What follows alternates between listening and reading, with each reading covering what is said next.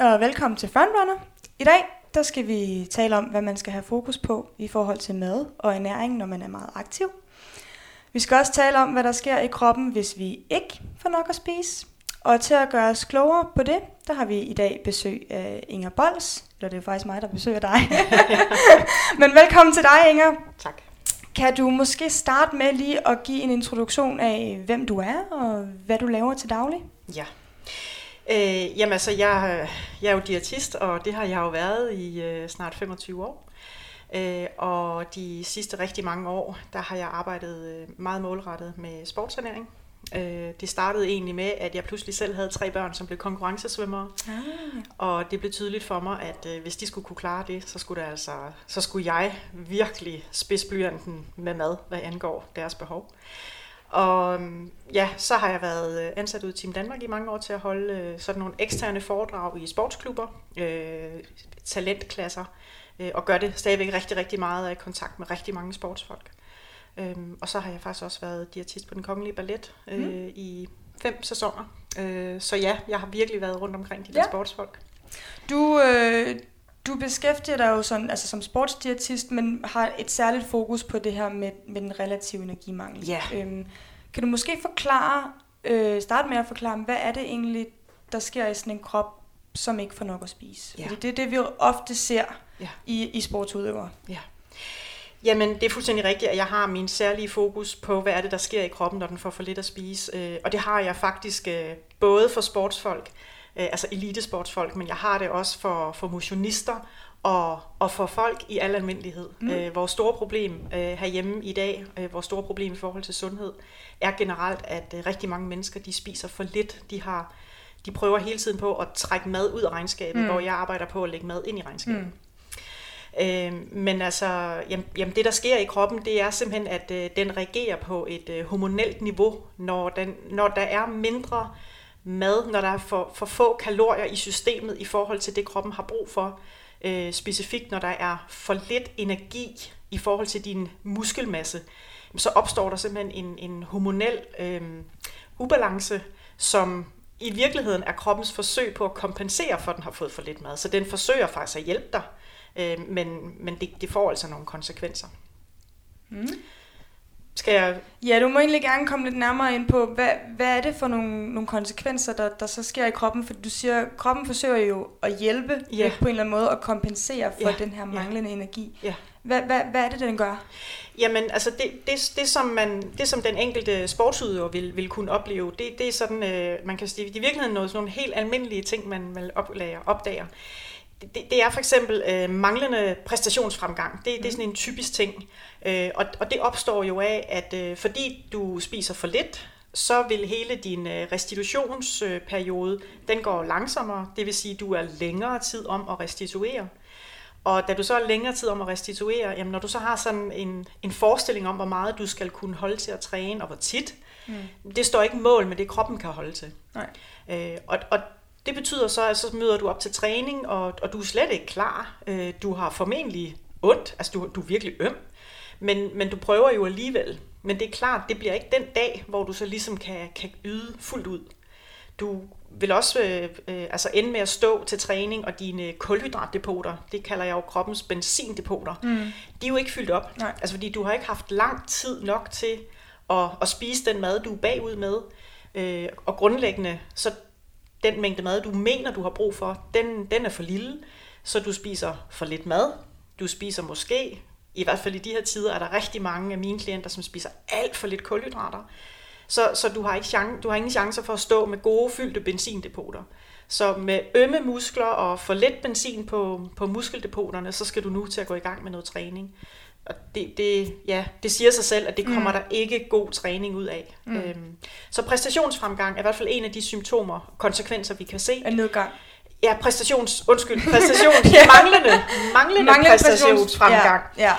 Kombineret ofte med rigtig ofte at få små skader. Så den ene skade afløser den næste skade. Øhm, og, og hvis det så ligesom får lov til at løbe i, i længere og længere tid, så er det jo også øh, her, vi desværre øh, ender med at se træthedsbrud. Mm. Øh, og det er jo det ultimative konsekvens af manglende restitution. Øh, vi skal jo huske på, at enhver træning er jo nedbrud af kroppen. Ja. Så hver gang vi møder op til træning, så går vi i gang med at nedbryde på kroppens knoglemasse, muskelvæv, ledbånd, og, og det er okay. Og så efter træning i restitutionsperioden, i en god ernæringstilstand, så bygger kroppen sig op igen, og så bygger den der stærkere. Men når du så er i relativ energimangel, så vil du ikke nå at få den her opbygningseffekt, og det vil sige, at du risikerer øh, at bryde dig selv lidt længere ned hver gang. Der kommer enten den her lille skade, eller der kommer, eller og på sigt kommer der et træthedsbrud. Ja. Mm. Hvad er det for nogle, fordi det kan jo være svært at, at mærke, at der er hormonforstyrrelser i kroppen, ja. eller, eller nedsat knogledensitet, det kan man jo ikke mærke. Nej. Men hvad er det for nogle symptomer, man kan være opmærksom på i, i forhold til at være i energimangel? Ja, jamen altså, øh, jeg vil sige, øh, det, det, det som både den enkelte atlet selv kan være opmærksom på, men også øh, træningskammeraterne, hvad kan du være opmærksom på blandt dine træningskammerater, hvad kan træneren være opmærksom på på sine atleter, og sågar forældre til, til unge mennesker, som træner rigtig meget. Øh, vi skal faktisk lede efter rigtig meget sådan almene velværesymptomer eller mangel på samme. Mm.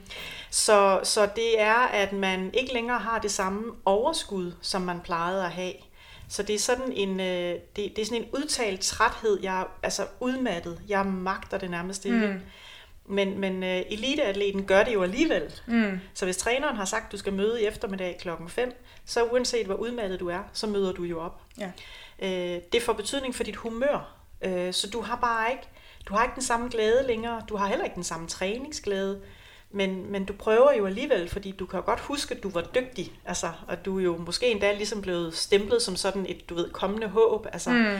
Men, men gejsten, træningsglæden er ikke helt den samme, og, og du kan mærke, at, at, at du har ikke sådan energien til at blive ved, så altså, hvis, hvis træningen var et par timer, så allerede når der er gået en time, eller i hvert fald halvanden, så, så har du bare ikke mere overskud, så du kæmper dig igennem det. Mm. Øh, og så er det træningsømheden, som jeg talte om før. Øh, altså, vi skal ikke være smadret i vores krop dagen efter en træning. Vi må gerne sådan have en fornemmelse af, at kroppen har været brugt, men vi skal ikke være sådan fuldstændig ødelagt. Så sådan gentagende træningsømhed er også virkelig øh, et symptom.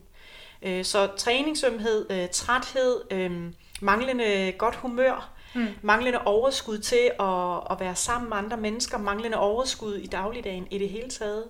Øhm, og, og det her det kan så udvikle sig og blive værre og værre og værre. Øh, og i sidste ende kan det faktisk øh, for nogen øh, desværre havne til at blive decideret en, en depression. Mm. Øhm, og det er jo fordi, at elitesportsmanden, elitesportskvinden, bliver jo ved med at presse sig. Øh, og, og til sidst, så, så kan kroppen jo selvfølgelig ikke mere. Ja. Noget af det, øh, jeg også tænker på, fordi det er noget, et symptom, vi tit ser hos kvinderne, ja. at hvad, hvad betyder øh, en udebliven eller en uden uregelmæssig menstruation for det her? Ja.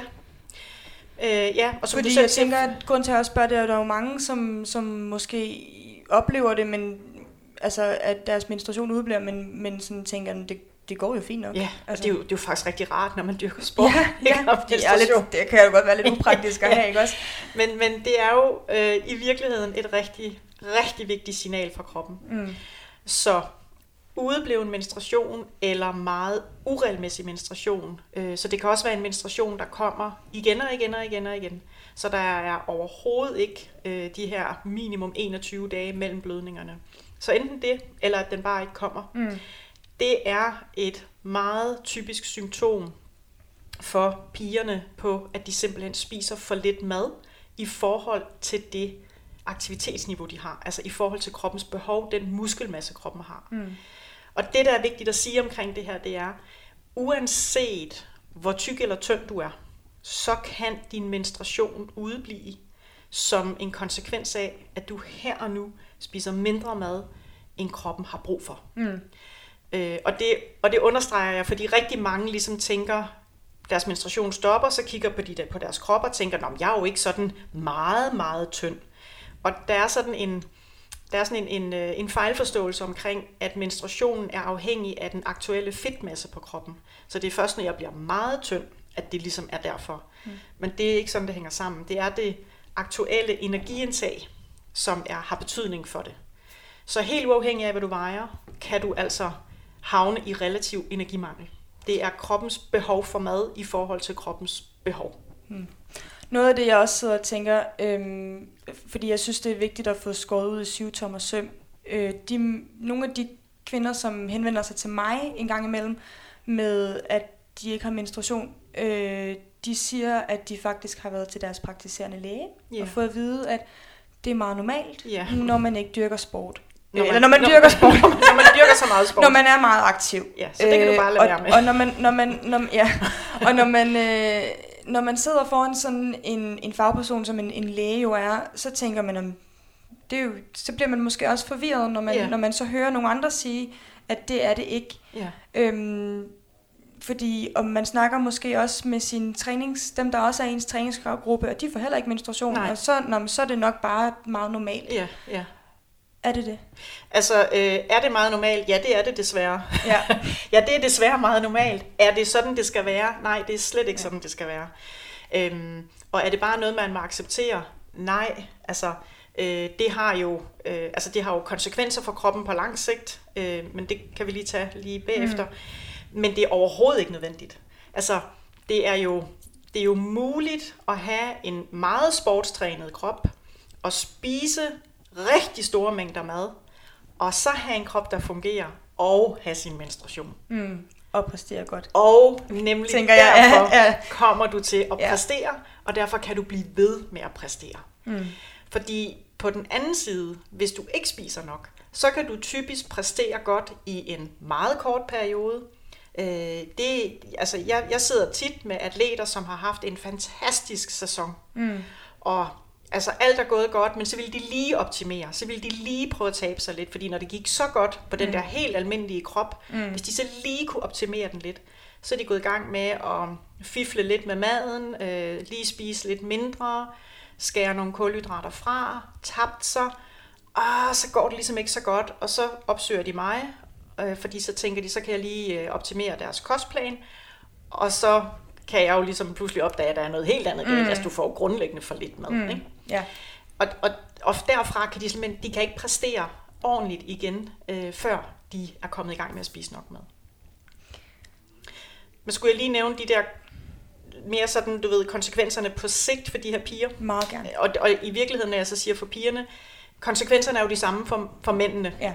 Øhm, og, og det her, det er jo så selvfølgelig hvad kan man sige, det her, nu snakker vi mere langtidskonsekvenserne, og, og, og det, det ved jeg jo godt, når jeg er ude og holde foredrag for, for svømmeklubber og atletikklubber, og de der unge mennesker sidder der. Det er rigtig svært for dem at forholde sig til langtidskonsekvenserne, mm. men som ikke andet, hvis der er nogle træner eller nogle forældre, der hører det. Ja. Øhm, det er jo sådan, at for de her unge mennesker, øh, i, i deres øh, teenageår, der er de jo, som man kan se på dem, i en virkelig voldsom vækst. Ja. De vokser. Ikke? Mm. Øh, og, og noget af det, der vokser rigtig meget på dem, det er altså deres knogler. De her knogler, øh, de, øh, uanset hvor lidt eller hvor meget de spiser, så har de altså en tendens til, at de skal nok blive lange nok. Spørgsmålet er bare, om de bliver stærke nok. Mm. Øh, og hvis du så øh, som kvinde både spiser for lidt, og så også mister din menstruation, så har du en ekstra sårbarhedsfaktor i forhold til, hvor, hvordan dine knogler de ender med at blive. Men det er så det, jeg siger, at lige præcis det her sker altså også for mændene. Ja. Så i stedet for, at du i de her teenageår opbygger virkelig, virkelig stærke knogler, så ender du med, at du allerede i dine teenageår begynder at tære på dine knogler. Jeg sammenligner det faktisk lidt med, øh, ligesom mange måske har en øh, børneopsparing så ved man godt, at man kan betale penge ind på den her konto, indtil man er 15 år, tror jeg det er, og så kan man egentlig ikke betale ind på den mere, og så har man, hvad man har. Mm. Sådan er det også med Knoglebanken. Den er så åben til du bliver 25, mm. så lige omkring, ja. lige omkring indtil du bliver de 25, ja. så kan du oparbejde en stærkere knoglemasse, og hvis du træner, og du spiser det, du har brug for, så får du jo en meget større opsparing, end hvis du netop ikke træner. Mm. Hvis du så træner, men du spiser ikke nok, ja, så begynder du at tære på din knoglemasse, og så som 25-årig, så står du altså tilbage og har nu, øh, ja, konsekvenserne kan komme senere, øh, ikke mange år senere, men komme i, at du faktisk kan få øh, noget knogleskørhed. Ja. Men det er langtidskonsekvenser. Så her og nu konsekvenser er, at det går ud over din, altså det, det går ud over din præstation. Ja. Altså, det går ud over dine tider. Øh, du bliver skadet. Du bliver sat, hver gang man bliver skadet, bliver man jo sat tilbage. Altså, Få mindre ud af sin træning også. får, ja, ja. ja. Øhm, man kan sige, det er jo faktisk lidt, fordi som du siger, det, den atlet, du møder, er tit en, som, som har forsøgt at skære ned på sit Ja. øh, energiindtag i forsøget på at blive bedre. ja. Men i forsøget på at blive bedre ved at skære ned, bliver man faktisk måske mindre god, fordi man ikke får lige så meget ud af sin træning. Og, og det, der er vigtigt der, det er, at stort set alle oplever en kortvarig præstationsfremgang. Mm. Så der, der er altid sådan, du ved, øh, sådan lige kortvarigt blev jeg bedre, og derefter går det faktisk ret meget ned ad bakke, mm. men, men den enkelte husker, at det Ja. gik bedre. Ja. Og derfor så higer de i meget lang tid efter, hvis bare lige jeg kan gøre det, jeg gjorde den første gang. Ja. Øhm, og det kan altså ende i flere års slidsomt arbejde på at nå tilbage til det, man prøvede den ene gang. Og jeg kan garantere, at det kommer kun til at ske den ene gang. Ja. Kroppen kan kun holde til det én gang. Ja. Ja. Hvis vi lige vender tilbage til det her med vægten, Ja. øhm, fordi vi talte om det, da vi talte om menstruation, at man kan godt være i energiunderskud og have mange udeblivende menstruation, og så ikke se meget tynd ud, eller have en meget lav fedtprocent. Ja. Øhm, man, man kan godt være i energiunderskud, uanset hvilken vægt Ja, man er ved. det kan man. Men jeg tror, at det for mange kan være meget kontraintuitivt, fordi man tænker, jamen, nu mindre jeg spiser, Ja. jo mere taber jeg mig også. Ja. Hvordan hænger det sammen, at man kan være i nærmest alle vægtklasser, Ja, ja. øh, og være i et energiunderskud, og er, nu, nu ved jeg godt, du har været lidt inde på det, jeg stiller det lige igen, spørgsmålet for ligesom at skære det ud i pap. Hvordan kan det være, for det første, at man kan være i energiunderskud, uden at være meget tynd og Ja. tabe sig? Ja. Og er det lige så sundhedsskadeligt?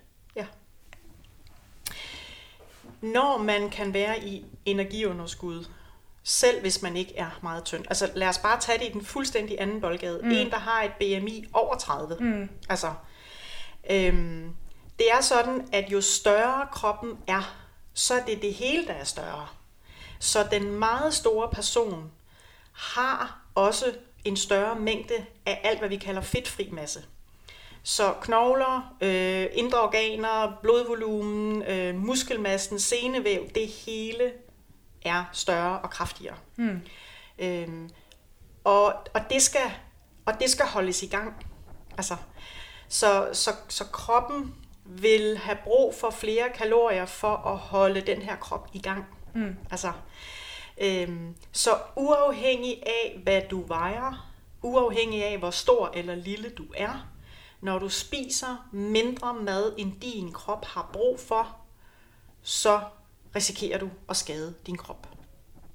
Ja. Ja, det foregår på et hormonelt niveau, og kroppen vil simpelthen, den vil, altså noget af det allerførste, den gør, det er, at den tilpasser sig, så den nedsætter din basale forbrænding. Så det vi kalder basalstofskiftet, det vil sige, det vi det kroppen har brug for, det den forbrænder, hvis jeg lamer ned på sofaen, og der bliver jeg liggende 24 timer i døgnet. Min basale forbrænding, den bliver lavere med helt op til 40 procent, når jeg forsøger at spise mindre.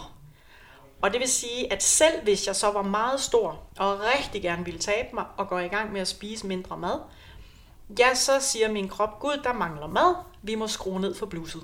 Mm. Og så gør Ja. den det. Så skruer den ned for bluset. Så, så det vil ske uanset hvem, uanset hvor stor eller lille du er. Ja. Kan man, kan man sammenligne det lidt med, nu du siger det her med at skrue ned for blusset, at kroppen ligesom registrerer, okay, der mangler noget mad, jeg, Ja. jeg er nærmest ved at sulte. Ja, Jeg, jeg overlever ved at ligesom skrue ned. Ja, ja, det er en, præcis. sådan en overlevelsesmekanisme. Det, det er præcis det, det handler om. Øh, og, og det er også derfor, altså vi ved faktisk det, vi, vi ved nemlig, at det gælder både folk i øh, små kroppe, folk i mellemkroppe og folk i store kroppe. Øh, det, det, der er lavet masser af undersøgelser af det, øh, og der er faktisk lavet øh, et, et rigtig interessant øh, undersøgelse af, de har sådan et forfærdeligt program i USA, der hedder Biggest Loser. Ja, Øh, og der har man lavet øh, et studie, hvor man har fulgt dem her, som havde tabt sig, og så har man fulgt dem helt op til 6 år bagefter. Og der kunne man se, at deres krop var stadigvæk tilpasset og forbrænde mindre. Ja. Så deres basalstofskifte var stadigvæk 6 år senere markant lavere. Ja. de havde taget på igen, skal jeg lige huske at sige, men deres basalstofskifte var markant mindre. Og deres øh, sulthormon, det var så tilsvarende større. Så det, det er så jo derfor, det er lidt op ad bakke for folk, og ligesom mm. beslutte sig for, nu vil jeg gerne tabe mig, fordi dit basalforbrænding, det, det falder, og din sult, den stiger. Og bare lige, hvis der sidder der nogen derude og var i tvivl, det her tv-program var et tv-program, ja. hvor de konkurrerede på, Præcis. hvem der kunne tabe sig mest. Mest, ja. På en, eller over en given tidspunkt. Ja, ja. ja. Øhm, hvis vi så, øh, fordi der sidder sikkert derude nu, nogen derude nu og tænker, åh oh, gud, det er mig det her. Mm. Jeg har ikke min menstruation, eller mm. jeg er træt hele tiden, og jeg har virkelig forsøgt at skære ned. Hvad gør man? Ja. Altså, jeg har haft et træthedsbrud, jeg har, ikke haft, jeg har ikke haft min menstruation, eller jeg er en mand, og jeg har bare haft et træthedsbrud, og jeg kan, eller jeg kan se, at det er nok mig, ja. der er i den her tilstand, ja. eller på vej ind i den her tilstand. Ja. Hvordan behandler man øh, den her syndrom, som jo hedder relativ energimangel i sport? Ja, ja.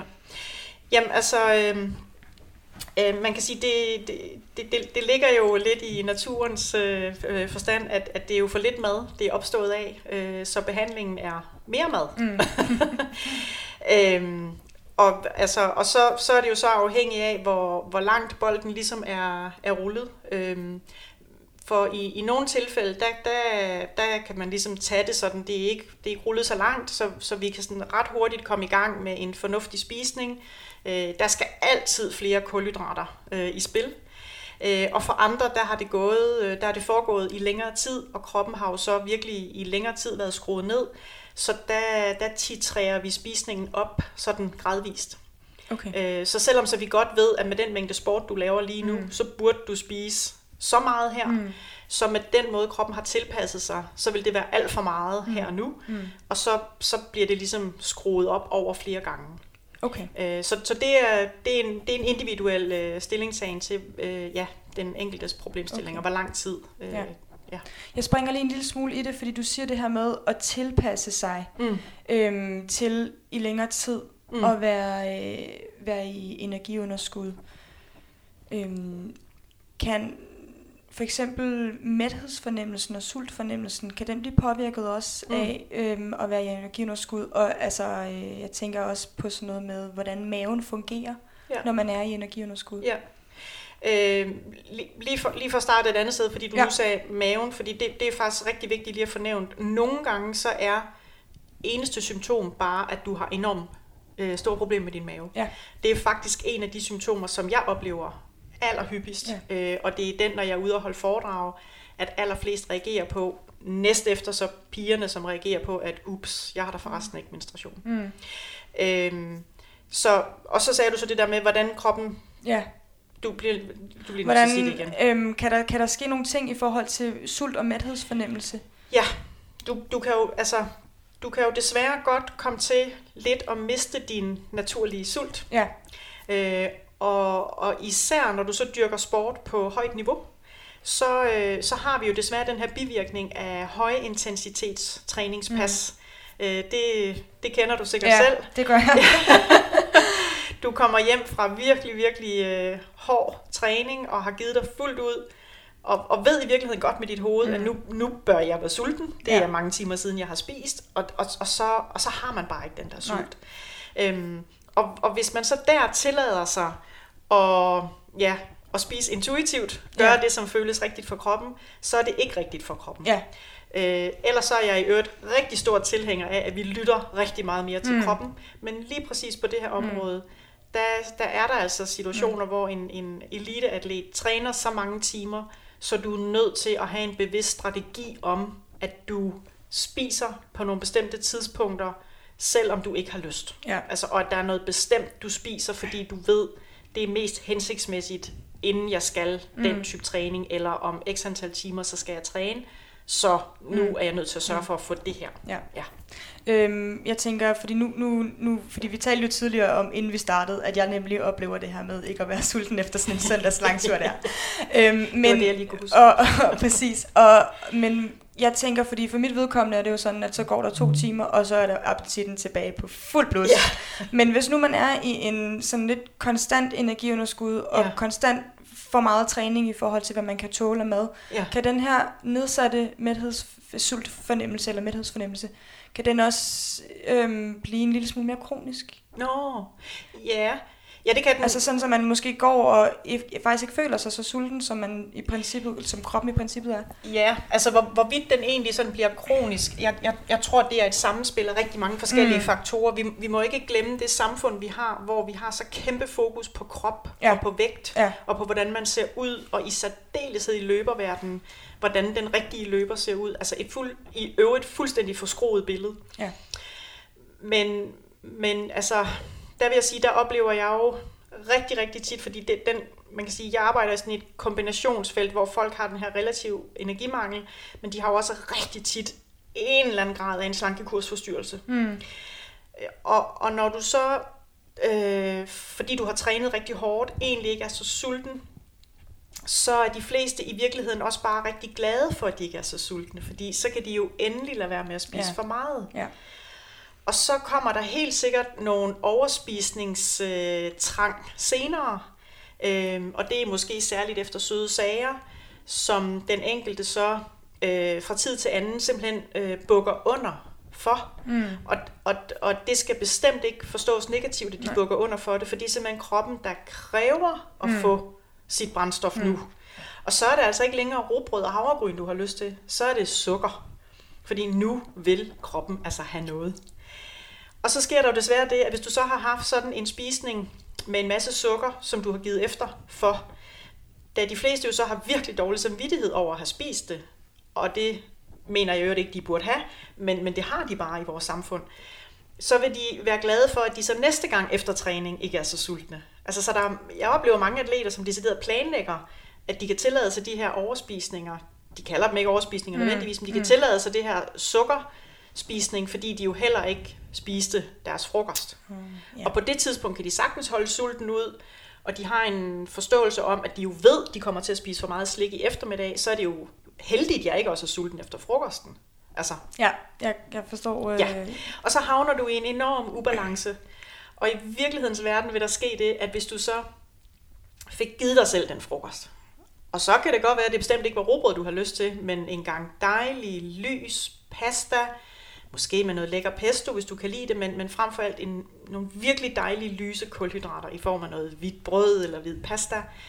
Så kan det godt være, at du havde lyst til lidt slik i eftermiddag, men så var det en helt anden mængde. Og det var nemlig en helt anden mængde, fordi nu har kroppen allerede fået en masse kulhydrater i den frokost, du havde fået. Ja. Yes. Jeg tænker, vi går lige... Det var første halvdel af samtalen, som var sådan en, øh, en, en, en forklaring af, hvad der sker, når vi ikke får nok. Ja. Og så tænker jeg, at vi måske kan begynde at sådan gå lidt videre til den lidt mere måske, lad os kalde den løsningsorienterede Ja. del af samtalen på, jamen hvordan er det, vi så sikrer os at få nok. Ja. Øhm, jeg tænker at starte på, hvad er det, vi skal være opmærksomme på at få nok af? Hvad er det, vi skal sådan overordnet? Fordi vi skal jo ikke sidde, som du sagde tidligere, og sådan tælle kalorier. Nej. nej. Men hvad er det, vi skal sådan koncentrere os om at få nok af Ja. som idrætsudøver? Ja. Ja.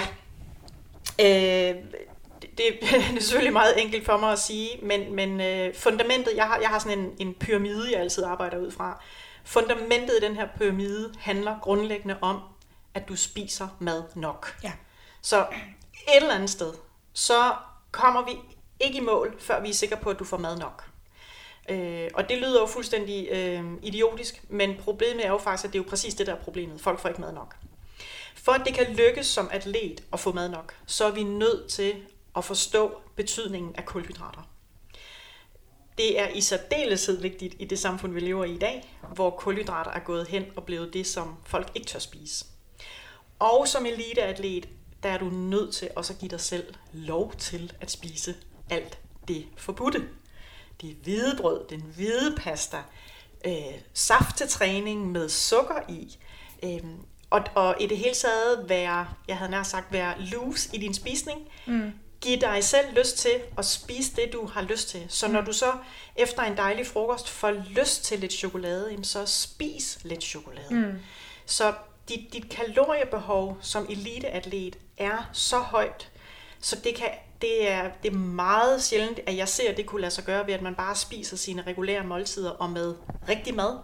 Der er brug for lidt af det der ekstra. Mm. Ja. Ja, fordi jeg tænker tit så i det her sådan lidt øh, slankekurssamfund, Ja. yeah. som vi snakker om, der bliver det her med saftevand og chokolade og sodavand, Ja. øh, det, bliver, det bliver nærmest omtalt som gift for Ja. kroppen nogle steder. Ikke? Altså det, det, det er de usunde madvarer. ja. Hvis vi lige sådan skal, skal skære det lidt mere ned, altså vi kan også kalde, man kan også kalde, nogen kalder det tomme kalorier. Mm. Øhm, Mm. hvis vi skal skære det helt sådan klart ned, altså slik, kage, sodavand, Mm. mm. er det decideret skadeligt for os? Nej. Overhovedet ikke. Altså, øhm, det, det, det er jo sådan, at fra det øjeblik, du øh, enten spiser, hvis, øh, jeg ved ikke, hvad, hvad, kan vi, hvad, hvad tror vi alle kan blive enige om er sundt? En gulerod. Mm. En gulerod. Jeg vil ikke turde sige robrød, for nogen mener jo ikke, robrød er sundt. Men en gulerod er jeg ret sikker på, at alle vil tænke, det er sundt. Øh, når en gulerod er blevet nedbrudt, altså til den mindste enhed, som det er en forudsætning for, at kroppen kan optage den i, så er den blevet nedbrudt til det, der hedder et monosaccharid. Når du i den anden ende spiser vingummibamser, så når det er blevet nedbrudt til den enhed, som kroppen er nødt til at optage det i, så er det sjovt nok også blevet nedbrudt til monosaccarider. Så er jeg enig med folk om, at det er jo ikke ligegyldigt, om jeg spiser gulerødder eller vingummier hele tiden. Men hvis vi i sidste ende giver os selv lov til at spise det, vi har brug for og lyst til, så er der faktisk ingen, der vil ende med kun at have lyst til vingummier. Så vil der pludselig en dag ske det, at du får også lyst til at spise nogle gulerødder. Så problemet med det her er jo så, at hvis vingummier og, og kage og is, det er giftigt, så er guleroden også lige pludselig blevet giftig, fordi mm. det bliver nedbrudt til det samme næringsstof. Mm. Så det er jo ikke sådan, at der, der løber ikke gulerødder rundt ind i blodet. Nej. Og der løber ikke vingummibamser rundt ind i blodet. Der løber ja. Monosaccarider rundt ind ja. I blodet. Og, og der findes kun ganske få typer af monosaccarider, som kroppen kan optage. Og den nedbryder det, altså afhængig af øh, mælkesukker. Det bliver nedbrudt til ét slags monosaccharid. Mm. Altså det, vi kender som laktose. Laktosen ja. bliver nedbrudt. Ikke? Altså, øh, og, og så, så man kan sige, de enkelte monosaccarider, de, der er så få, øh, så uanset om det er brød, eller det er gulerødder, eller det er tomater, eller det er mariekiks, det er fuldstændig ligegyldigt. De bliver alle sammen nedbrudt til de her ganske få monosaccarider, fordi ellers så kan kroppen simpelthen ikke optage det fra tarmen og over i blodbanen. Mm. Så hvis det ene type af mad er giftigt, så er den anden type af mad også giftigt. Mm. Heldigvis er den første type af mad ikke giftigt. Og så tænker jeg i forhold til, fordi der er jo alligevel noget med, øh, jeg har hørt dig tidligere sige, at vi i hvert fald til vores basismåltider Ja. gerne skal have nogle grove kulhydrater og Ja. nogle fibre, Ja. og så vi Ja. måske kan bygge ovenpå Ja. med, med, med vingummibamserne. Gerne. Ja. Hvordan, hvad er alligevel forskellen på, fordi vi, det ender som monosaccarider, når vi skal snakke om sukker, ja, men kan guleroden alligevel noget, som Ja. vingummibamsen ikke kan? selvfølgelig kan den det. Ja. Selvfølgelig kan den det. Man kan sige, til, lige præcis som du siger, til vores basismåltider, mm. der må vi meget gerne sørge for, at der er nogle gode kulhydrater i form af for eksempel noget groft brød, eller kartofler, eller måske en fuldkornspasta, sammen med nogle grøntsager, sammen med nogle dejlige fedtstoffer, og sammen med et moderat stykke kød, eller fisk, eller æg, eller vegetabilske proteiner. Men det betyder ikke, at vi nødvendigvis skal have fuldkorn til hvert måltid. Så hvis nu man for eksempel har fået sig en god portion havregryn til morgen, øh, og man har fået sig noget, øh, en øh, robrød til frokost, altså så har du allerede fået rigtig meget fuldkorn, så må du meget gerne bare spise lys pasta til aften. Så der skal en, en altså der skal faktisk en overraskende lille mængde fuldkornsprodukter til, før du er dækket ind. Ja. Øhm, så, så, og rigtig mange sportsmennesker er meget bedre stillet, hvis det måltid, de spiser, øh, hvor der ikke er så lang tid til træning, de er meget bedre stillet, hvis det ikke er for groft. Også hvis det ikke er for fedt, og hvis det ikke er for proteintungt. Øhm, så, så der er masser af situationer, hvor atleten kommer længst ved ikke at vælge det grove måltid. Okay. Ja, for jeg tænker, der er vel også noget i forhold til, nogle gange ønsker vi vel noget, som optages hurtigt og kommer Ja. ja. hurtigt ud i blodbanen, og nogle gange ønsker vi måske noget, altså er der noget i forhold til, til optagelseshastighed, Ja, ja. som også er favorabel med nogle ting på nogle tidspunkter, nogle andre ting på noget? Ja. Og det var sådan lidt det, jeg var inde på der allerede, fordi hvis nu du for eksempel skal spise et, et måltid, øh, og du ved, at du skal træne om en time, så skal det virkelig ikke være et særligt stort måltid. Altså under alle omstændigheder. Øh, så sådan et måltid, der ligger kun en time før, der er du virkelig kun interesseret i at have nogle let optagelige kulhydrater, og ikke i en enorm stor mængde. Så du sætter dig ikke ned og spiser 300 gram lyspasta. Altså det er alt for meget. Mm. Men du tager dig måske øh, en, en banan og en juice. Øhm, hvor hvis du ligesom har to, gerne tre timer, så kan du godt spise sådan, hvad vi kalder et almindeligt sammensat måltid. Og, og, og så, hvad kan man sige, hvis du har tre timer, så kan det godt være også sådan lidt grovere, men hvis du kun har et par timer, så vil jeg igen absolut tænke de lyse kulhydrater, en moderat mængde af protein, fedt og grøntsager. Hvor det større måltid, der, der vil vi altså gerne have i hvert fald tre og gerne fire timer. Og så må det være det grove, og det tunge, og det grøntsagsholdige og det hele.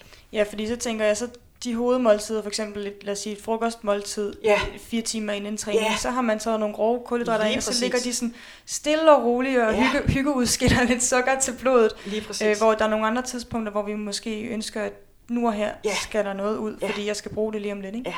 Ja. Så typisk øh, morgen og frokost, selvfølgelig ikke hvis du har morgentræning, men hvis ikke du har morgentræning, så morgenmaden og frokosten, det er sådan de der gode, både store øh, og, og grove måltider, øh, og hvor så dine mellemmåltider, de har en helt anden øh, karakter, fordi de begynder at lægge tæt på din træning. Og så tilsvarende også det måltid, du spiser efter træning. Hvis du efter en aftentræning for eksempel, hvis du ved, du har morgentræning også, så er der ikke så mange timer at gøre godt med. Så, så der vil du også virkelig have en aftensmad, hvor du fokuserer på at få de lyse kulhydrater. Der skal virkelig tankes op. Du skal selvfølgelig stadigvæk have et stykke kød, eller et stykke fisk, eller noget æg, eller vegetabilsk protein. Og så kan det være, at du bare den aften ikke har appetit til grøntsager. Jamen, så må de grøntsager altså simpelthen vente til en anden dag. Altså, Mm. ja. Jeg tænker også, fordi nu har vi talt rigtig meget kulhydrater, fordi det er hammer vigtigt. Det er simpelthen, det er kroppens brændstof. Øhm, jeg er også lidt interesseret i at høre, om der er nogle vitaminer eller mineraler, man skal være særligt opmærksom på, øhm, og når man er meget aktiv. Ja. Altså, man kan sige, hvis, hvis vi som udgangspunkt har en atlet, der spiser for lidt, ja, så er det jo dem alle sammen. Øh, og, og, og altså alle vitaminer. så er det jo alt, hvad ja. du... Og, og det er i virkeligheden en af vores store udfordringer, at i generelt har vi som mennesker i det her moderne samfund meget stor fokus på, om vi mangler vitaminer og mineraler, mm. og mange atleter går i gang med at lede efter deres, øh, hvad kan man sige, den her manglende velvære, manglende fremgang, de har, de leder efter det i vitaminer og mineraler. Men det, det er ikke der, de skal lede. De skal starte med at lede, om de får mad nok. Når vi så alligevel får mad nok, så øh, er der da bestemt øh, atleter, som alligevel kan komme til at mangle. Specifikt jern er jo sådan en helt øh, udpræget ting, som, som mange løbere kan komme til at, øh, at mangle. Og særligt også kvinder. Ja, Øhm, og, det, og det er jo simpelthen fordi, den her månedlige blødning, den koster. ja. Øh, på, på jern, på jern, det, det gør den niveauet, simpelthen, ja. ja.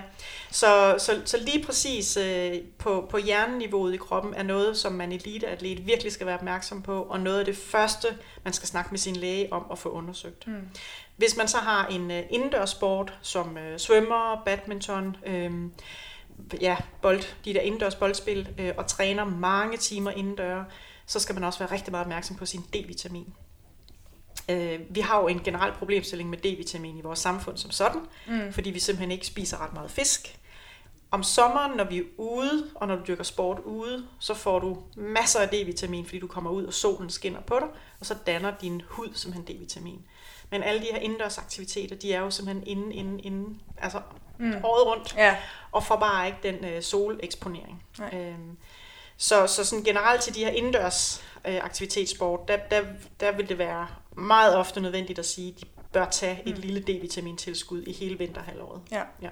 Fordi grund til at spørge det er, at man ser tit atleter, som har sådan en helt batteri af Ja. kosttilskud Ja, øhm, og, og af vitamintilskud. ja. Er der, er der nogle ting, hvor vi kan sige, "Mm, det her er, er, er rent faktisk anbefalet eller relevant at tage som tilskud?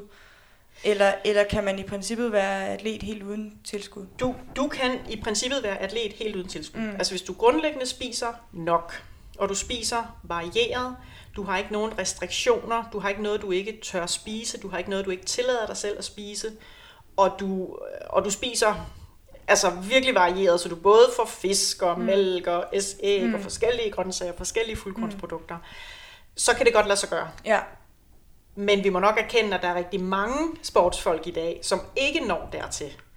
Øh, så sådan en, øh, hvad kan man sige, en generel anbefaling vil være at tage en helt almindelig multivitamin-tablet. Og ikke nogen megadosiser af Nej. noget, for der begynder vi at påvirke de forskellige vitaminer og mineraler i, hvordan vi optager dem. Mm. Øh, så, så det ender sjældent godt. Ja, Øh, okay. men en helt almindelig blandet vitamin-mineraltablet. Og jeg springer lige lidt i det, Mm. øhm, inden vi går videre til, til spørgsmål for lytterne, for jeg har et sidste spørgsmål, jeg gerne lige vil høre dig om. Og det var, vi talte lidt om vægt tidligere, øh, og talte om det her med, at man øh, behandler relativ energimangel med at øge sit energiindtag. Ja. Og jeg, jeg forestiller mig, at der er mange af dem, som måske har haft den her tendens til at skære kalorier fra, fordi Ja. man gerne vil tabe sig, som Ja. kan tænke, uha, så bliver jeg jo tyk, Ja. hvis jeg begynder at spise Det har du mere. fuldstændig ret i, ja. Hvad sker der, hvis man begynder at øge sit energiindtag som atlet? Øh, tager man, tager man på, nødvendigvis på i vægt af det? Vi, vi kan jo starte med at, at, at se den anden vej, at, at de fleste opdager jo, at de holder hurtigt op med at tabe sig. Mm. Altså, så, så med mindre, at du hardcore bliver ved med at spise mindre og mindre og mindre, selvom du så faktisk godt kan mærke, at du er sulten, og i hvert fald har tanker om mad. Mm. Tanker om mad er jo ofte den der sult, du ikke mærker. Ja. Ja. øhm, så overraskende mange oplever jo, at de taber sig sådan relativt hurtigt, 2, 3, måske maks 4 kilo, og, og så, så stopper de med at tabe sig. Og det er jo så fordi, nu har kroppen så tilpasset sig det her lavere kalorieindtagelse. Det gælder selvfølgelig også den anden vej. Mm. At den vil jo gerne forbrænde mere. Så hvis den så får mere mad, og som jeg var inde på lidt tidligere, hvis vi så ligesom lader det vokse lidt langsomt, den her energiindtagelse, så vi ikke bare sådan fra den ene dag til den anden spiser alt det, kroppen hele tiden skulle have haft, jamen så får vi jo øh, kroppens øh, hvad kan man sige, biokemi til at vågne op. Så hvis den ligesom har kørt ned på en øh, 60%, så skruer vi den op til 70%, til 80%, til 100%. Altså, så gradvist lader vi kroppens biokemi stige, samtidig med, at du gradvist spiser mere og mere mad. Eller man kan også gøre det over kortere tid, hvis det ikke har været noget, der har været så alvorligt endnu. Ikke? Mm.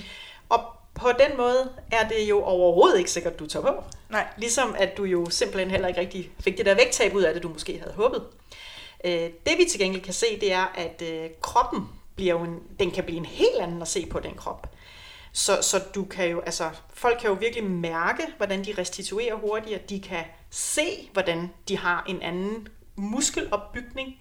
Øhm, og, og mange kommer til at opleve, at, at så forholdet mellem muskel og fedtmasse bliver, altså bliver bedre, forstået på den måde, at den her øh, fedtmasse, som de synes, de gik og kæmpede med, det blev ikke bedre, det blev jo kun værre, fordi kroppen var jo også i perioder nødt til at leve lidt af muskelmassen. Nu får den mad nok, så nu arbejder den på at opbygge muskelmassen, og det vil sige, at du får faktisk en langt mere atletisk krop. Og nogle gange er der så godt nok nogen, der konstaterer, hmm, jeg vejer i virkeligheden godt nok to kilo mere, men jeg løber hurtigere, jeg springer bedre, jeg kan løbe længere. Altså, så, så det at få mad nok her og nu, udover at det forebygger de her meget alvorlige konsekvenser for din krop på lang sigt, så gør det også, at du her og nu performer bedre. Kæmpe win, Yes. tænker jeg. Det var vel det, det hele handlede om. Hvis vi lige skal skære det ned. Kæmpe win. Ja. øhm, jeg tænker, at vi går videre til spørgsmål for lytterne. Mm. Og øh, vi har fået en del interessante spørgsmål ind. Også nogle spørgsmål, som jeg må ikke, måske ikke selv lige havde tænkt mig at stille. Mm. Så jeg er faktisk rigtig glad for, at, Mm. at vi åbnede op for den mulighed. Øhm, det første spørgsmål øh, lyder på, hvordan du som diætist vurderer øh, det at faste i 16 timer eller i flere dage, for både for motionisterne og for eliteniveau, i forhold til at skulle gå ned i vægt Mm. med henblik på præstationsoptimering. Mm. Ja, det er jo oha, det smerter mit hjerte, ja. øh, hvis, hvis, hvis man er nødt til at, at gøre et eller andet for at stille op til en eller anden vægtklasse. Det er altid problematisk. Øhm, men, men for at svare konkret på spørgsmålet, jamen der, der kan aldrig komme noget godt ud af det. Altså fordi det, når du faster, det første kroppen gør, det er, at den går ind og forbruger af dine kulhydratdepoter. Det er en, øh, det er en umiddelbar variabel størrelse. Altså det er fuldstændig ligesom din bil. Hvis du kører en lang tur, så har du brugt meget benzin, øh, hvis ikke du har puttet noget på i mellemtiden. Og, og det er jo det, der sker. Så du kører i 16 timer uden at fylde noget nyt benzin på. Så, så du møder jo så op til den her konkurrencesituation, og så har du ikke noget benzin på tanken. Du kan så håbe, det er det samme, der gælder for dine modstandere. Mm. Øhm, så til enhver tid argumenterer jeg jo for, at man er nødt til at finde ud af, hvilken vægtklasse passer du til. Altså, øhm, fordi hvis du er op imod nogen, som naturligt ligger i den her vægtklasse, så kan de jo tillade sig at spise, som de har brug for, op til et stævne. Og du skal hele tiden pine dig selv ned. Det kommer der aldrig noget godt ud af. Altså, ja. Noget af det, jeg også tænker i forhold til det her spørgsmål, fordi jeg forestiller mig, at øhm, dem, som tænker i den retning og har stillet det, måske forestiller sig, at det er noget, man gør ikke direkte op til konkurrencen, mm. men måske fire uger før. Mm. Øh, at det er der, man går i vægt. Ja, okay. To måneder før. Men det har vel stadig en, en øh, konsekvens for ens træningsudbytte? Ja, altså man kan sige, i, i den periode, du så gør det, så vil jeg så håbe, at man i det mindste virkelig ikke træner. Altså, så hvis du er inde i en faste periode, så, så skal du selvfølgelig ikke træne. Hmm. Fordi ellers så nedbryder du ekstraordinært af din muskelmasse. Så når du ikke spiser, altså jeg plejer sådan lidt at sige, det er egentlig ikke et spørgsmål, om din krop den får noget at leve af. Det er kun et spørgsmål, om den lever af det, du putter ind i munden, eller om den skal spise af det, der er inden for kroppen allerede. Og det, der er inden for kroppen allerede, det er muskelmasse. Så altså, den går i gang med at nedbryde af din muskelmasse, når du med vilje spiser for lidt. Altså, det, der, det regnestykke kan vi simpelthen ikke lave om på. Så, så hvis det her det igen jo er relateret til en konkurrencemæssig situation, hvad det nok er, så vil det jo til enhver tid være at stille sig selv dårligere. Ja. Og med risiko jo for en skade i øvrigt. Altså. Øh, noget af det, jeg også, da jeg fik det her spørgsmål, tænkte, tænkte, tænkte jeg egentlig også gerne vil høre dig om, det er, at vi hører nogle gange i, øh, rundt omkring, at folk tænker, at det her med at faste en gang imellem kan være meget sundt for at udrense kroppen. Ja. Det er sådan et udtryk, der jeg hører tit, ja. det her med, at vi skal udrense enten ved at faste, ja. eller ved at gå på sådan nogle juicekurer. Ja. Er det rigtigt, at vi har noget inde i kroppen, vi skal have udrenset? Er det sundt? Altså, øh, om vi har noget inde i kroppen, vi skal have udrenset, det kan jeg bestemt ikke udelukke, vi har. Øh, men så klarer leveren det for os. Øh, så, så vi har givetvis hele tiden et eller andet, vi skal have udrenset. Det, vi har simpelthen, altså leveren er vores udrensningscentral. Og det er jo simpelthen kroppens, øh, ja, jeg kan simpelthen huske fra dengang jeg læste vores øh, lærer, han sagde, det er det dummeste organ, der findes på kroppen. Fordi lige med, hvad fanden du hælder i hovedet på den lever, så gør den det en gang til. Altså, den bliver ved og ved og ved og ved og ved. Øhm, så, så nej, vi har ikke noget, vi skal have udrenset. Det skal leveren nok gøre for os. Og det folk kan lugte, når de så udrenser sig, som de jo så mener, de gør. Det, det er jo det, der sker, når de så i øh, en dag eller to ikke har spist ret meget. Øh, så vil kroppen være tvunget til at begynde at overgå fra den almindelige forbrænding, hvor den fungerer optimalt, til at gå over på sådan en forbrænding, hvor der opstår nogle restprodukter, øh, og det er det, der lugter. Altså så når kroppen går i gang med at nedbryde af kroppen for at danne noget, den kan bruge som erstatning for de kulhydrater, vi kunne have spist, så opstår der den her acetone-lugtende mm. øh, lugt, som mange forbinder med, at nu kan de lugte, hvordan de udrenser sig. De, de kan lugte, de er ved at spise sig selv. De kan lugte kannibalisme. jeg kan godt lide den der lidt sådan ja. øh, stille og rolige humoristiske tilgang til det, men det forklarer det jo nemlig en, ja. en, en rigtig fin måde at forklare det på, ja. at man simpelthen er ved at spise sig selv ja. indenfra. Ja. Ja. Øhm, næste spørgsmål lyder på, kan øh, almindelige motionister også, øh, der, øh, spørgsmålet er formuleret rammes af, af ja. remes, men altså komme i energiunderskud? Ja, det kan de. Øh, altså, øh, det, man kan sige, i princippet kan vi alle sammen rammes af relativ energimangel, så helt uden du dyrker sport, så kan du rammes af relativ energimangel. Hvis du for eksempel er, øh, betragter dig selv som, som tyk, og nu vil du gerne tabe dig, og så spiser du for lidt. Så helt uden at du dyrker sport, så kan du få relativ energimangel.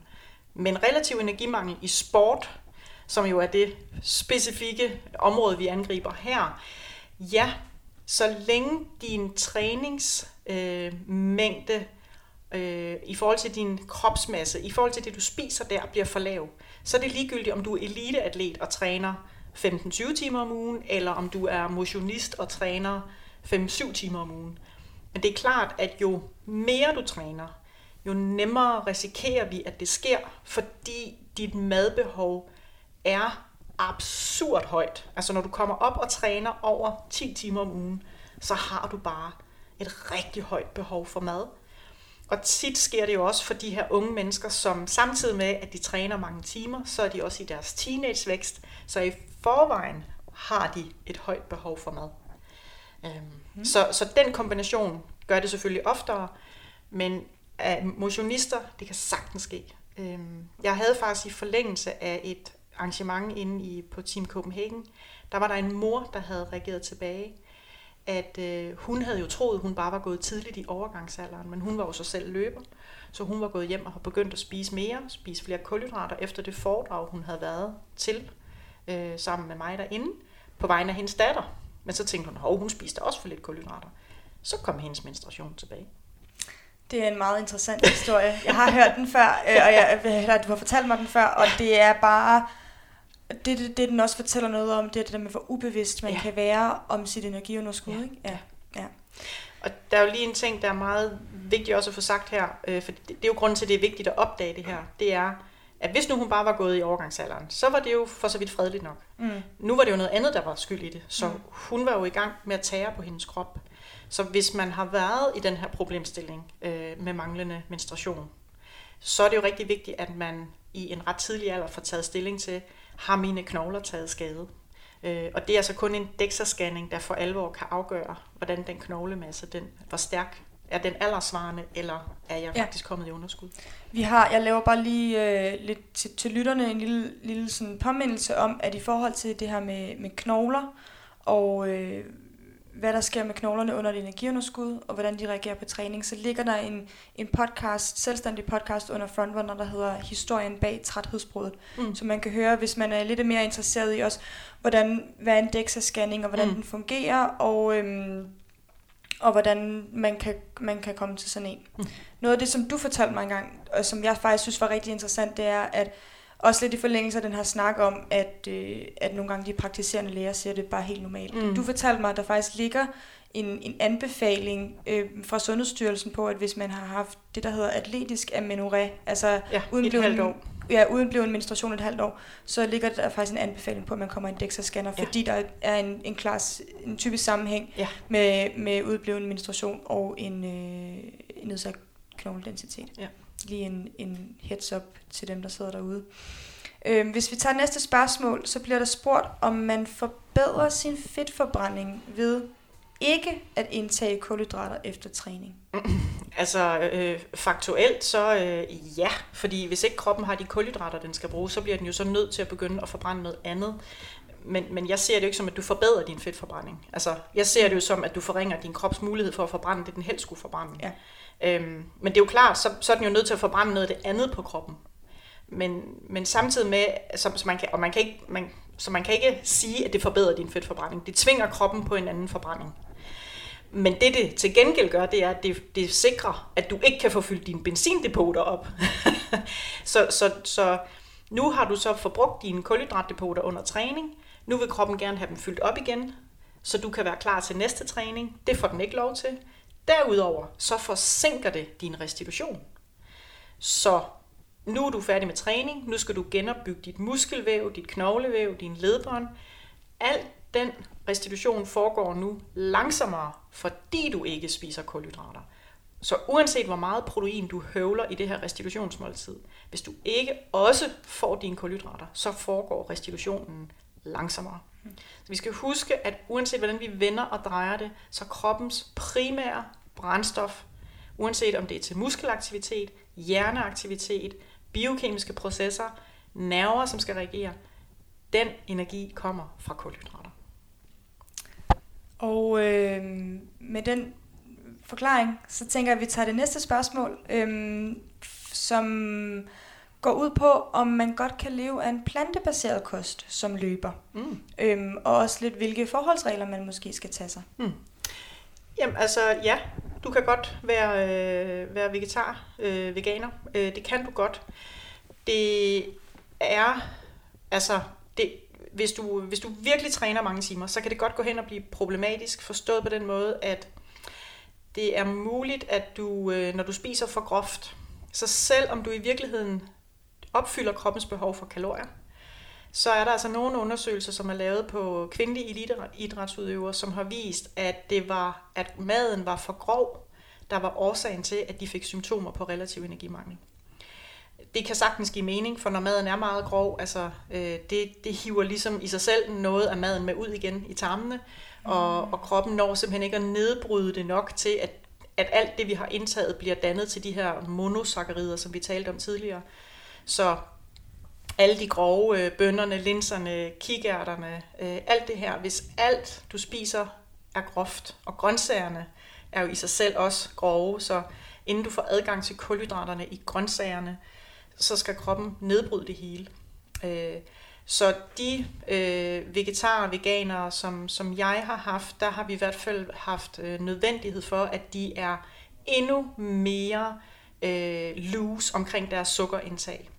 Så det er ikke svært at få dækket dit proteinbehov, øh, det er ikke svært at få dækket dit fedtbehov, men det kan være rigtig svært at få adgang til nok kulhydrater, selv om du har spist en stor mængde kulhydrater, øh, fordi det simpelthen bliver for groft.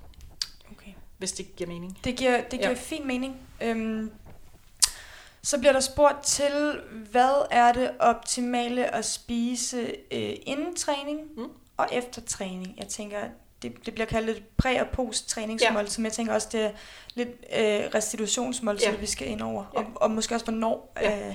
Jeg, jeg tror, jeg nævnte det allerede lidt tidligere i, øh, i snakken her i dag, at det der, du spiser, hvor der kun er en time til, øh, det, det skal simpelthen være kulhydrater, og det skal være lyse, let optagelige.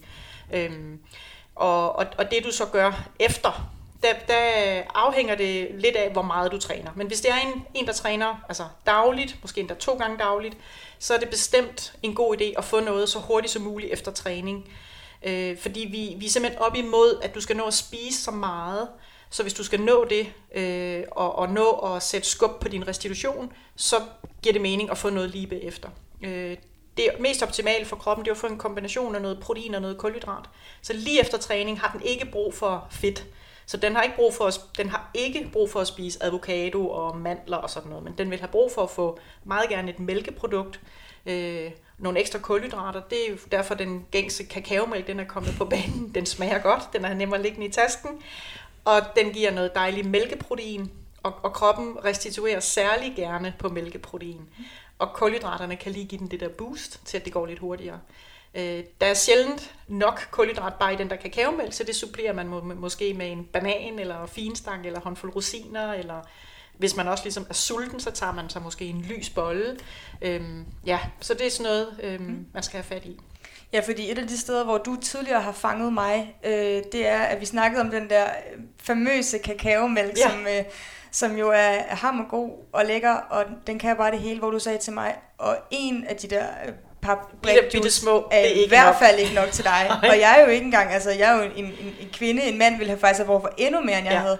Øh, og, øh, og det er ikke fordi, vi skal sidde her og snakke om, om, om gram og vejning, nej, og det der, men det, faktisk, det, var, det var lidt en øjenåbner for ja, mig, det ja, der med, okay, ja. det er sgu ikke nok. Nej, jeg, altså, sige, jeg kender ikke nogen voksne kvinder, som ikke har brug for to af de små brækker, ja. vel? Og så kender jeg ikke nogen voksne mænd, som ikke bare skal købe en halv liter. Ja. så fik vi det på plads. Så har vi et spørgsmål, der lyder på, hvorfor der kan være store forskelle på, hvordan løberkroppe ser ud. Øhm, nogle løber er tætte og muskuløse, mm. øh, bliver spurgt ind til, selvom de har løbet mange kilometer i mange år, og nogle er tynde og lette. Mm. Er det det, de spiser? Er det det, de gør? Hvad, hvad er årsagen til, at vi ser forskellige ud? Det er fordi, sådan er vi født. Vi er simpelthen grundlæggende født forskellige. Så nogen er født med øh, en muskulatur, som laver korte, kompakte muskler, og nogen er født med en muskulatur, som laver lange, strakte muskler, og nogle helt andre muskelfiber. Og det er jo derfor, at vi fra naturens side er naturligt skabt til enten at være sprinter eller langdistanceløber. Og så er der selvfølgelig en hel masse mennesker, som bare sådan er midt imellem. Mm.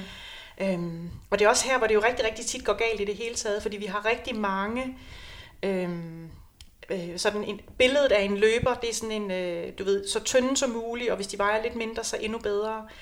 Men nogle af dem, der har fået nogle gode tider, har fra naturens side været sådan nogle virkelig, virkelig spinkle nogen, som havde nemt ved at have en krop med en lav fedtmasse. Og når det så forsøger at blive efterlignet, så ødelægger det i virkeligheden kroppen. Men dem, der forsøger at efterligne det, får måske en god sæson, og så som vi har talt om tidligere, så jagter de så det resultat. Og hele løberverdenen får så et billede af, at hvis man bare ser sådan der ud, så performer, så performer jeg bedre. Og, og lige modsat er det, lige præcis den krop ville performe bedre, hvis den måske vejede altså to eller tre kilo mere. Mm. Men nu fik den den mad, den havde brug mm. for. Mm.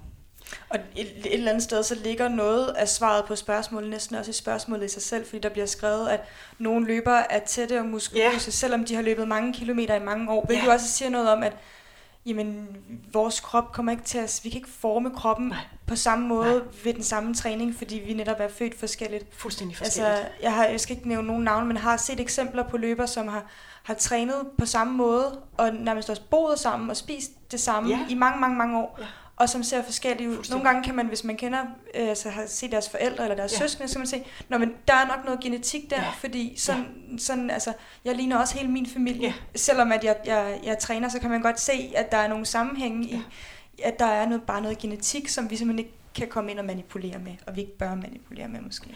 I det hele taget skal vi begynde at, at åbne op for den skønhed, der er i mangfoldigheden af kroppe. Altså, det er virkelig noget, der kan fascinere mig, når jeg sådan går rundt i en stor by, og så betragte kroppe overhovedet ikke med nogen former for dom. Altså, fra høj til lav, fra tynd til bred, øh, fra skæv til lige. Altså, prøv bare at tænke på, hvordan der er nogen, de har virkelig sabelben, og nogen, de kan nærmest ikke engang strække dem ud. Altså, prøv, vi er så forskellige. Nogen har lange læg, kort læg, brede, tynde. Altså, det er, det er, det er fascinerende. Ja. Det er virkelig fascinerende. Øh, men vi har et eller andet billede af, at hvis jeg så, eller vi har en eller anden drøm om, at hvis jeg spiser på en bestemt måde, hvis jeg træner på en bestemt måde, så kan jeg ændre min krop. Nogle de tror på, at de kan punktslanke sig, eller det, det kan man ikke. Ja. Vi kan alle sammen få den mest velfungerende krop, som bliver stærk, og, og vi kan virkelig mærke, at den fungerer, når vi giver den de bedste betingelser. Mm. Det kan vi alle sammen få. Jeg tænker, at vi når et sidste spørgsmål, øhm, som, som lidt taler ind i noget af det, vi allerede har talt om. Det er en, der spørger ind til ernæring, både før, under og efter mm. lange ture. Mm. Øhm, lang, lange træningsture. Det, for, for løberne vil det jo typisk være den der søndag på søndagstur på 15, 20, 25, mm. 30 km. Kan også være for cykelrytter, der også ligger og løber lange træninger. Men at man øh, spørgsmålet går på, at øhm, hende, der har stillet spørgsmålet, ofte oplever en lidt nedsat appetit efter mm. den her lange tur, mm. og hun oplever, at hvis hun spiser efter sin appetit, så får hun ikke nok at spise, mm. og er særligt dagen efter mm. meget træt, og kan ja. mærke, at hun, hun ikke er ordentligt restitueret. Ja. Hvordan griber man det an? Ja. Vi har været lidt inde på det tidligere, det der med at have en nedsat sult ja, efter ja. en lang træning. Men, men der, er jo, der er jo en ting, der er væsentlig her, det er, at når træningen strækker sig lige pludselig over så lang tid, så vil det også virkelig hjælpe hende, at hun har noget med under træningen. Øh, og det er selvfølgelig ikke altid så nemt, hvis man er afsted som løber. Det er lidt nemmere som cykelrytter at have noget i lommerne mm. øh, og have saft med i sin dunk. Øh, men, men hvis hun, hvis hun øh, virkelig er fuldstændig altså mas, når hun kommer hjem, så kunne det være, at hun kunne prøve at, om ikke andet, at have et par små geler med. Altså, mm. Eller hvis hun kan ofre lidt vægt på et væskebælte. Altså mm. der er jo små knep, man ja. kan bruge. Så har hun trods alt fået noget. Øh, og det starter selvfølgelig med, at hun er bevidst om, at hun har fået spist godt dagene op til, så hun starter ikke med at være i underskud. Og så er der faktisk rigtig mange, der har succes med, når de så kommer hjem fra den der træning, hvor de simpelthen ikke rigtig har lyst til noget, at man så giver sig selv øh, enten et lille glas dejlig kold juice, eller man spiser måske en lille sodavandsis, og så øh, går man måske i bad, og så er det ligesom om, at man har fået piret kroppen ved, at man har fået lidt hurtigt, sådan for de der, nogle af de der kulhydrater, som kroppen næsten optager af sig selv, så begynder kroppen igen at sende noget blod til mavetarmsystemet. Det er jo simpelthen, fordi du har brugt dig selv så meget, så kroppens øh, blodflow har ikke været koncentreret om mave-tarmkanalen, for det skal, du skal ikke fordøje mad, mens du træner. Så nu får du lige vækket det til live ved, at du lige får givet det lidt kulhydrater. Og så når du har været i bad, så er der stor håb om, at du faktisk er sulten, øh, så du har lyst til at spise øh, et godt måltid mad. Og så tillade sig selv efter sådan en rigtig, rigtig, rigtig lang løbetur eller cykeltur, tillade dig selv at spise noget slik. Så det kan være, at det er et ordentligt måltid mad, så er du, så er du stadigvæk sådan, at ah, du mangler et eller andet. Og det kan være, at det du mangler, det er en håndfuld vingummi. Altså, Og hvis ikke du giver dig selv den håndfuld vinkummi, så skal du igennem endnu et bjerg af pasta. Og det er helt sikkert ikke det, du har lyst til. Nej. men, men så er det bare lidt nemmere med ja. lige en håndfuld vingummi. Så vil hun både være friskere dagen efter, hun vil være mere restitueret, og hun vil snart være klar til at kunne træne igen. Jeg tænker, ej, jeg tænker, vi har et sidste spørgsmål. Jeg tænker, vi, vi, når, vi når det lige hurtigt, fordi jeg synes, jeg tænker, vi kan, vi kan godt lige det. Øhm, der er nemlig en, der har spurgt ind, det er meget specifikt, men det er også lidt interessant. Altså, øh, maratontræning og amning. Oh. Er der nogen særlige kosthensyn, øh, når man træner meget? For Ja. jeg tænker, det behøver ikke kun at være, at man træner til maraton. Det kan jo generelt være, at man har en høj træningsmængde, Ja. og man ammer øh, et barn, fordi man lige har fået et barn. Ja. Altså forhåbentlig har man ikke lige fået det her barn, fordi så er der jo ligesom noget Ja. ja. med de her øh, hormoner, som har sørget for, at du overhovedet kunne føde det her barn, som gør, at alt stadigvæk er blødt. Mm. Altså, så, så hvis vi lige springer den over, og så siger, at det er nogle måneder henne, ja. og du ammer, og du vil gerne træne mange timer, som for eksempel man gør, når man løber maraton. Øhm, der, der, er, der er noget naturstridigt i det, må jeg sige. Øhm, jeg siger ikke, det ikke kan lade sig gøre, men jeg bliver nødt til at understrege, at der er noget naturstridigt i det. Fordi det at amme kræver i sig selv ro og næring. Øh, så selvom du giver din krop næring nok, altså kalorier nok, mad nok, hvis du så ikke har ro, så er kroppen ikke i stand til at producere den mængde mælk, der skal til.